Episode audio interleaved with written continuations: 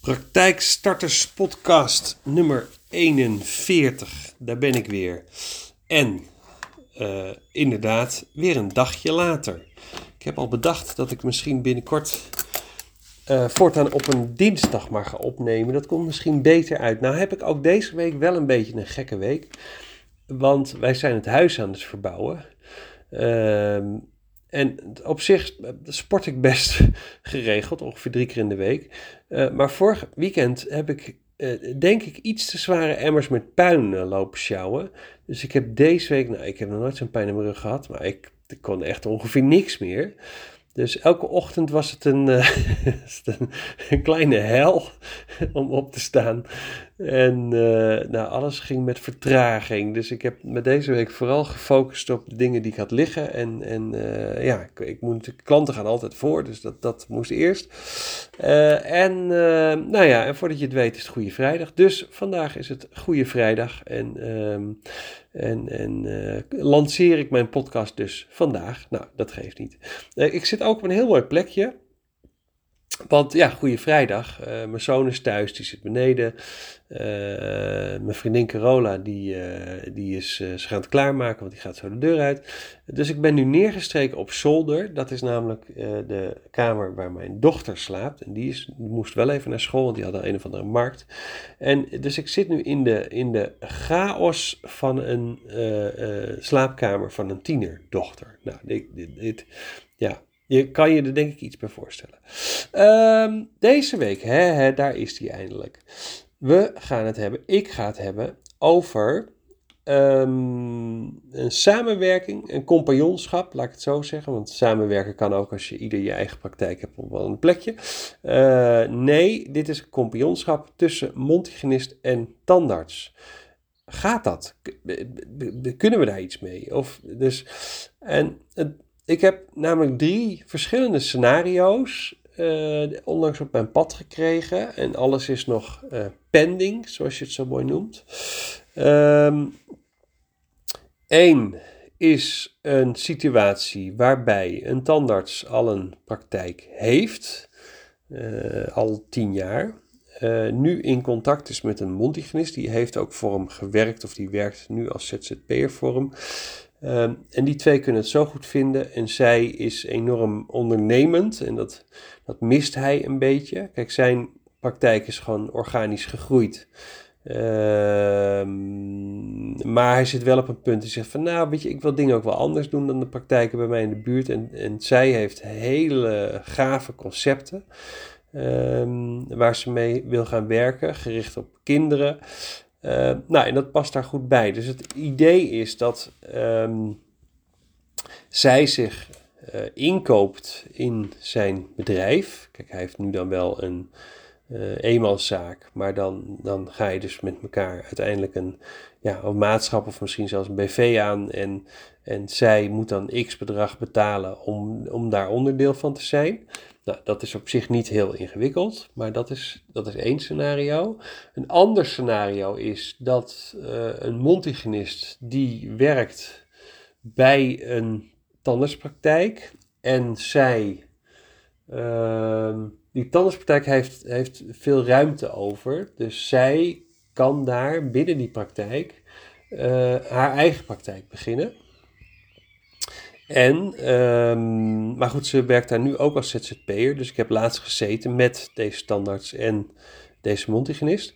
Uh, en ik heb ook gezegd, het belangrijkste van deze samenwerking is wel dat jullie met elkaar afspreken, omdat jullie straks twee bedrijven onder één dak zijn, um, hoe de routing van een, een patiënt eruit ziet. Kijk, sowieso, en daar ga ik nog een keer een hele podcast over wagen. Kijk, er zijn nu bepaalde uh, handelingen die door een mondhygiënist ook verricht kunnen worden. En dat is, nou ja, de geregistreerde mondhygiënisten mogen natuurlijk foto's maken, anesthesie, uh, kleine vullingen leggen. Um, nou, daar vindt iedereen iets van. En je, wat ik helaas nog wel eens in de markt zie, is dat je ook nog preventieassistenten hebt. Uh, en die worden soms ingezet als. Nou, dus daarom, dat is een, al een hele podcast waard. Dus dat, dat komt er ook nog een keer aan. Uh, maar wat ik tegen hun heb gezegd, ik zeg, joh, wat mij betreft blijft de preventieassistent gewoon bij de tandarts. Uh, nou ja, en de tandarts is gewoon natuurlijk gewoon de tandarts. En de mondhygiënist is dus een apart bedrijf, maar wel in hetzelfde pand.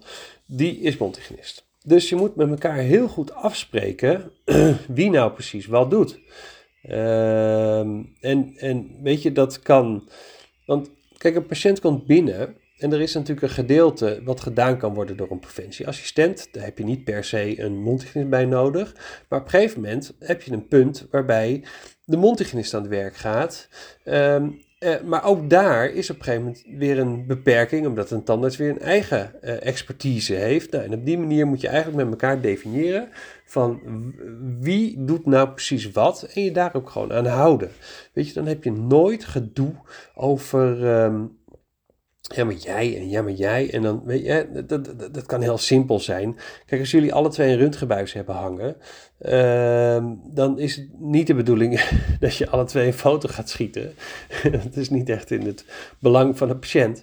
Uh, dus we spreken ook met elkaar af hoe dat met die foto's gaat. Weet je, dat, dat, gaat natuurlijk echt helemaal nergens om. Maar ja, ik heb helaas situaties gezien waarbij we tot op dit soort details, tot in den treuren alles op papier moesten zetten.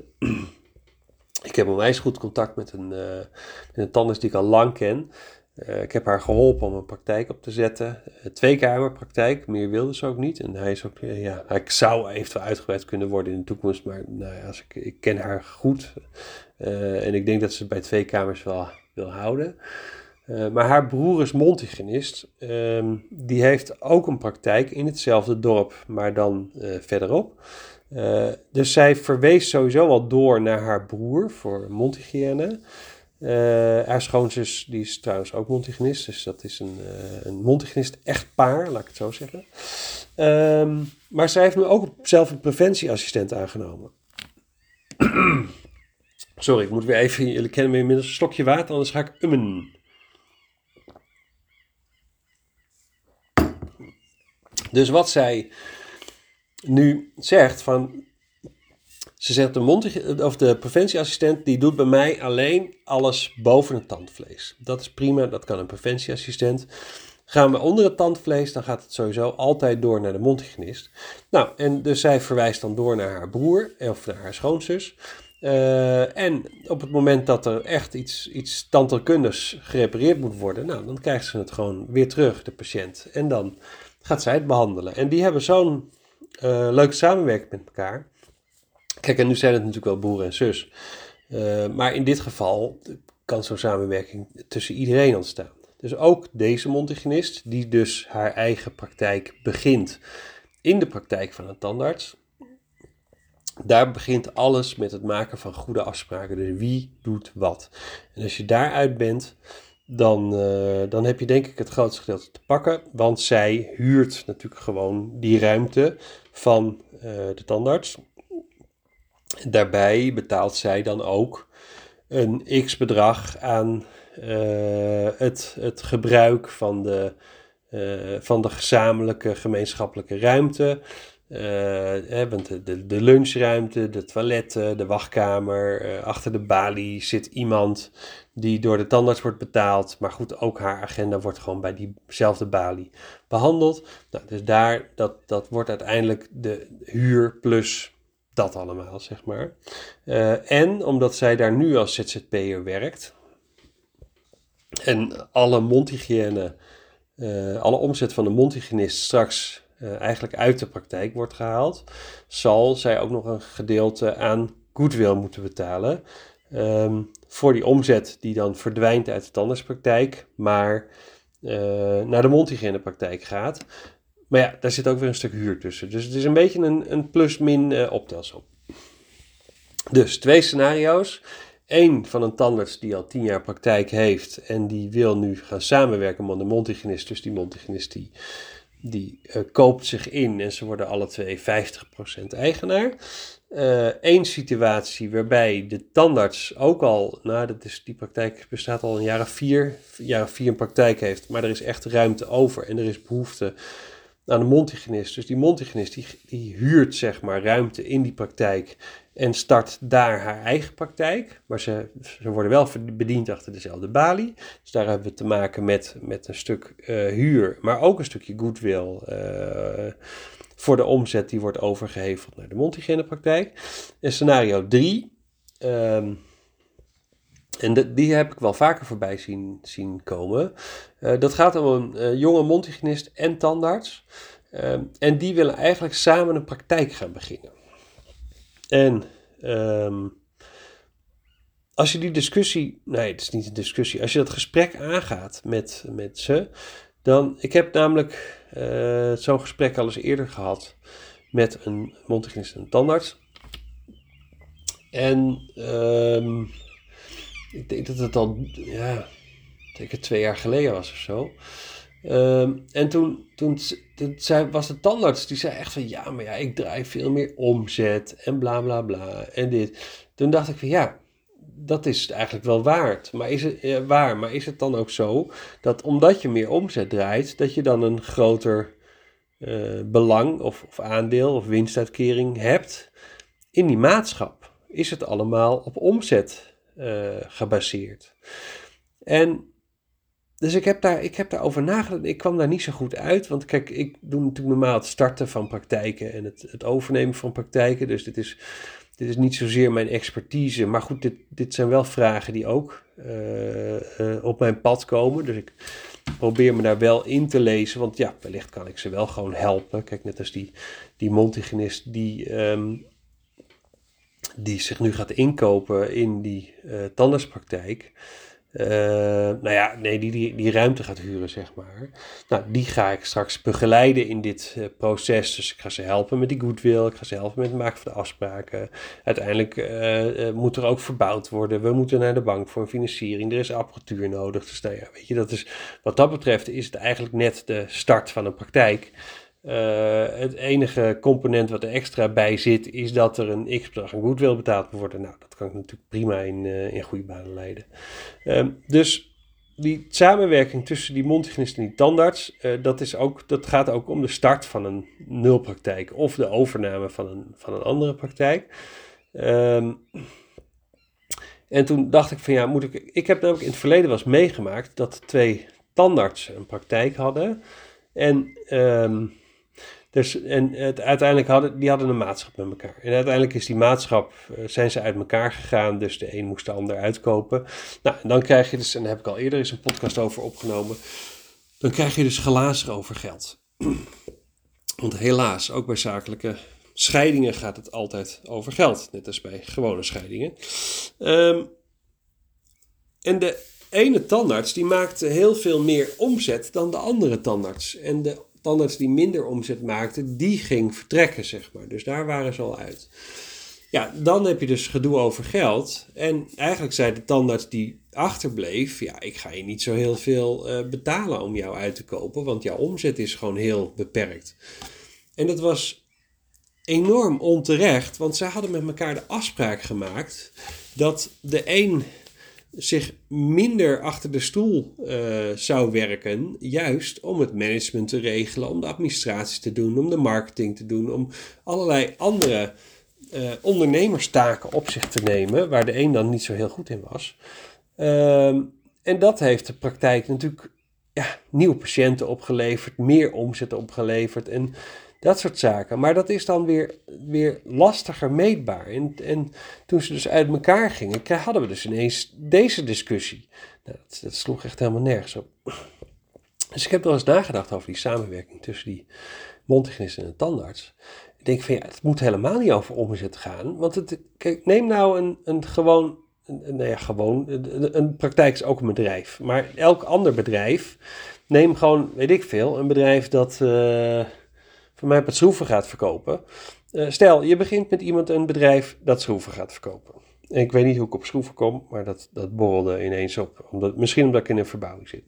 En uh, dus, uh, als je zo'n bedrijf gaat opzetten, dan, kijk, je hebt iemand nodig die die schroeven kan verkopen. Dat is belangrijk. Maar je hebt ook iemand nodig die die schroeven heel goed kan inkopen. Want ja, als die ervoor zorgt dat een schroef uh, qua inkoopprijs niet een dubbeltje kost, maar, uh, maar, maar 2 cent kost, dan uh, ga je automatisch meer winst maken. Dus je hebt een goede inkoper nodig. Je hebt iemand nodig die, de, die, die ervoor kan zorgen dat de logistiek goed is geregeld. Dus als iemand vandaag via je website 10 schroeven bestelt, dat die ook morgen op de deurbad vallen. Nou, iemand die goed kan verkopen, is niet per se heel goed in het logistieke, of niet per se heel goed in het inkopen, of niet per se heel goed in financiën. Dus wat ik ermee wil zeggen, is dat iedereen een radartje is in een bedrijf. Uh, en het een, de ene redt het niet uh, uh, tegen de ander. En wat je, veel, wat je wel vaak ziet in grote commerciële bedrijven. Ik, ik heb ooit voor een kleine autoleasemaatschappij gewerkt. En uh, daar hadden we een van de accountmanagers, de verkopers zeg maar. Uh, als die dan, uh, die zei echt, die, die riep altijd, en ik verdien jullie salaris en bla bla bla en dat soort dingen. En als hij dan iemand kwam rondleiden door het pand, een, nieuwe klant of, of weet ik veel. Dan zei hij van, dan kwam hij bij ons en ik zat op de, ik deed debiteurenbeheer, dus ik zat op de administratie. En dan kwam hij langs en zei hij, uh, ja, en dit is de kostenkant van het bedrijf. nee, dat dus. maar goed, wat je dus ziet bij, bij verkopers, is dat zij vinden dat, dat uh, zij inderdaad meer mogen verdienen dan een ander, omdat zij de handel binnenbrengen.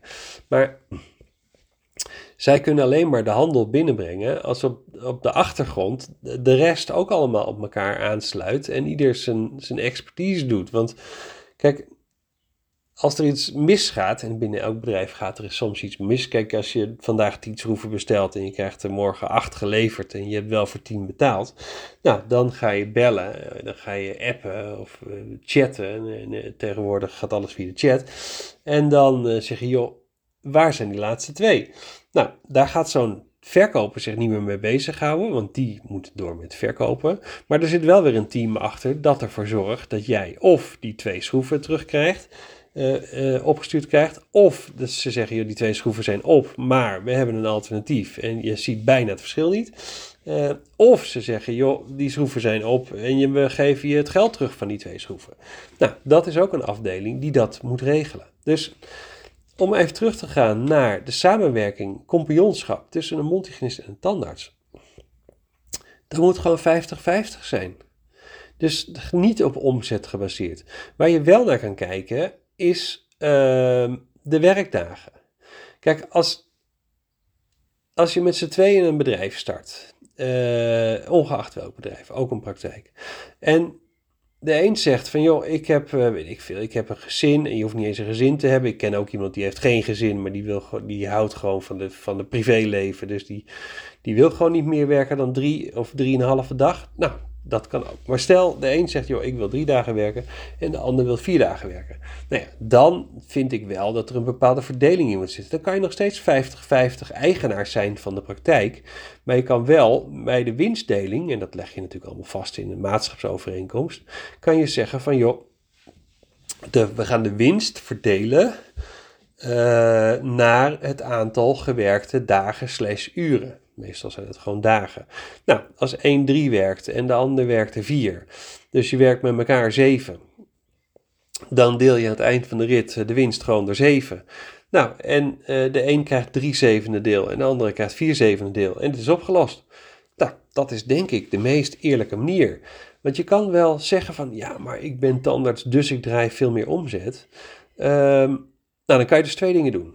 Of je zegt, oké, dan zorgen we ervoor dat de omzet gelijk blijft. Dus dan gaat de mondhygiënist gaat bijvoorbeeld vier dagen werken uh, achter de stoel. En de tandarts die gaat twee dagen achter de stoel werken. En die andere twee of één dag die, is, die, die wordt besteed aan, aan managementtaken, aan marketing, aan social media, aan de websitebeheer, aan dat soort dingen. Maar heel eerlijk, dat is natuurlijk zonde voor je bedrijf.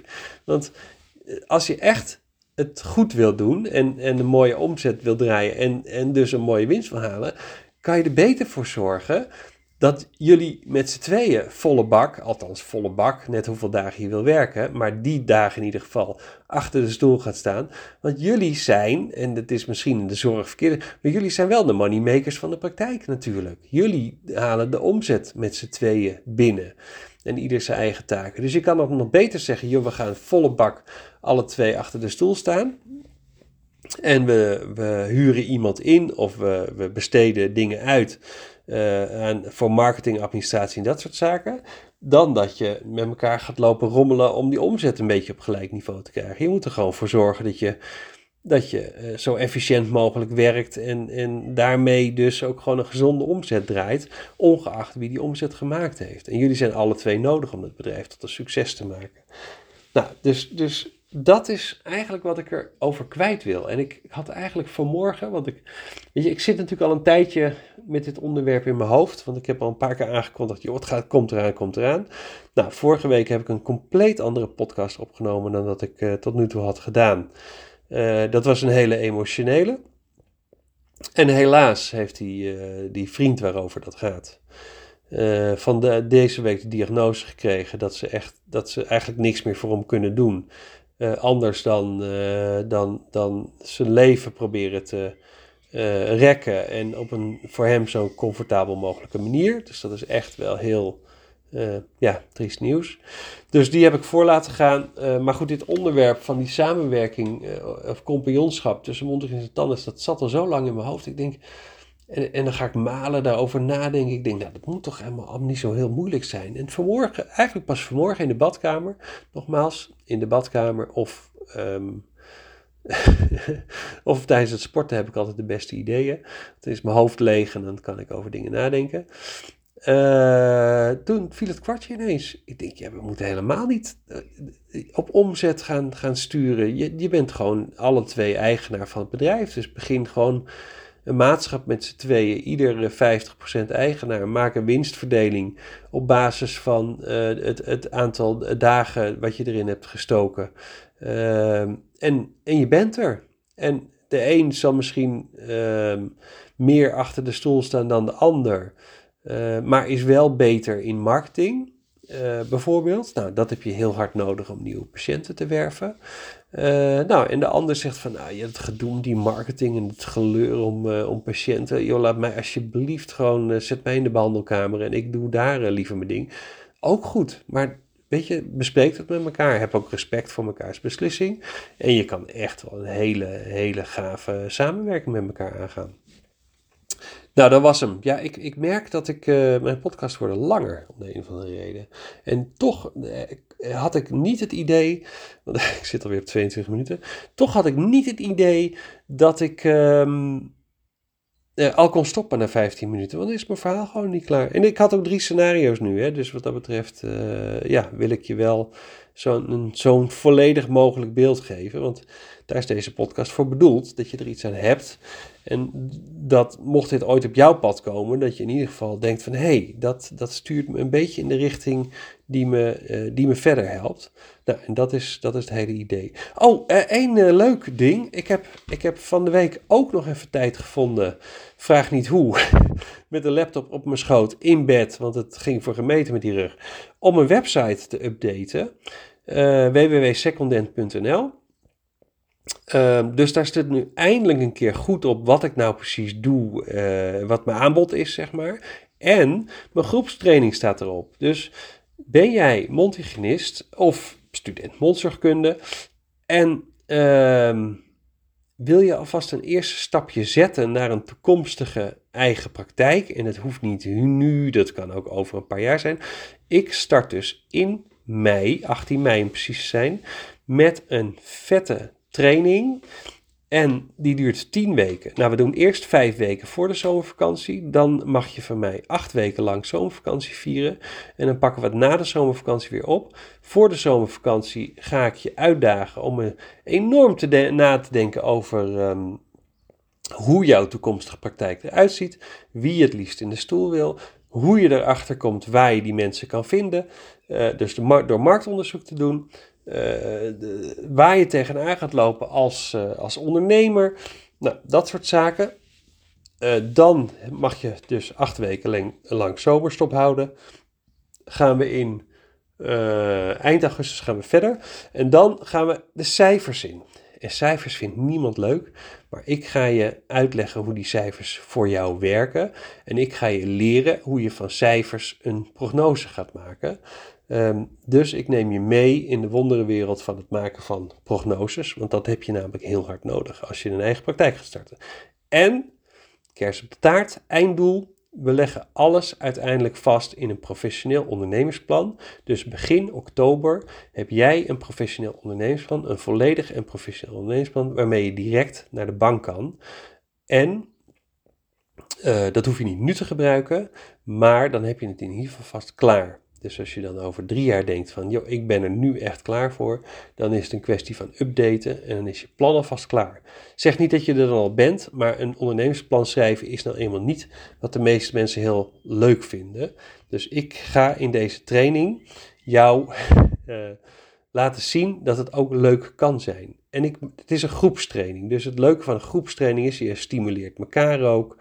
Uh, je leert ook van elkaar. Uh, de een loopt tegen dit aan, de ander tegen dat aan. Maar je leert elkaar ook van, joh, hoe, kan, je dat nou, hoe kan je dat nou oplossen? Uh, maar, omdat het natuurlijk een groepstraining is, zijn er ook dingen die je niet met de groep wil delen. Want dat zijn jouw geheimen die alleen voor jou gelden. En, en die wil je in jouw praktijk doorvoeren. Ik heb ook individuele sessies ingebouwd. Dus wij gaan in ieder geval vier keer met elkaar ook gewoon een half uur bellen of zoomen om gewoon even de dingen te bespreken die alleen voor jou van toepassing zijn. Dus je hoeft niet alles met de groep te delen. Nou, ik heb er in ieder geval onwijs veel zin in en ik ben echt trots dat ik hem nu heb staan. Dus ga even naar mijn website, uh, naar het kopje aanbod, www.secondent.nl slash aanbod. En daar staat klaar voor de start. Want zo heet deze groepstraining. Uh, en als je wil, kan je daar gelijk inschrijven. Er is plek voor maximaal 15 deelnemers. Dus hou daar even rekening mee. Nou, ik heb genoeg gezegd. Uh, ik wens jullie een fijn weekend. Uh, hele fijne paasdagen. Er zijn natuurlijk zat mensen die dit al laten luisteren. Maar goed, het Pasen staat uh, voor de boeg. Ik ga zo mijn klofje weer aantrekken, want er moet geklust worden en mijn rug is voldoende hersteld om hem weer te beschadigen. dus ik mag weer aan de bak. Uh, ik zeg tot volgende week. Doei!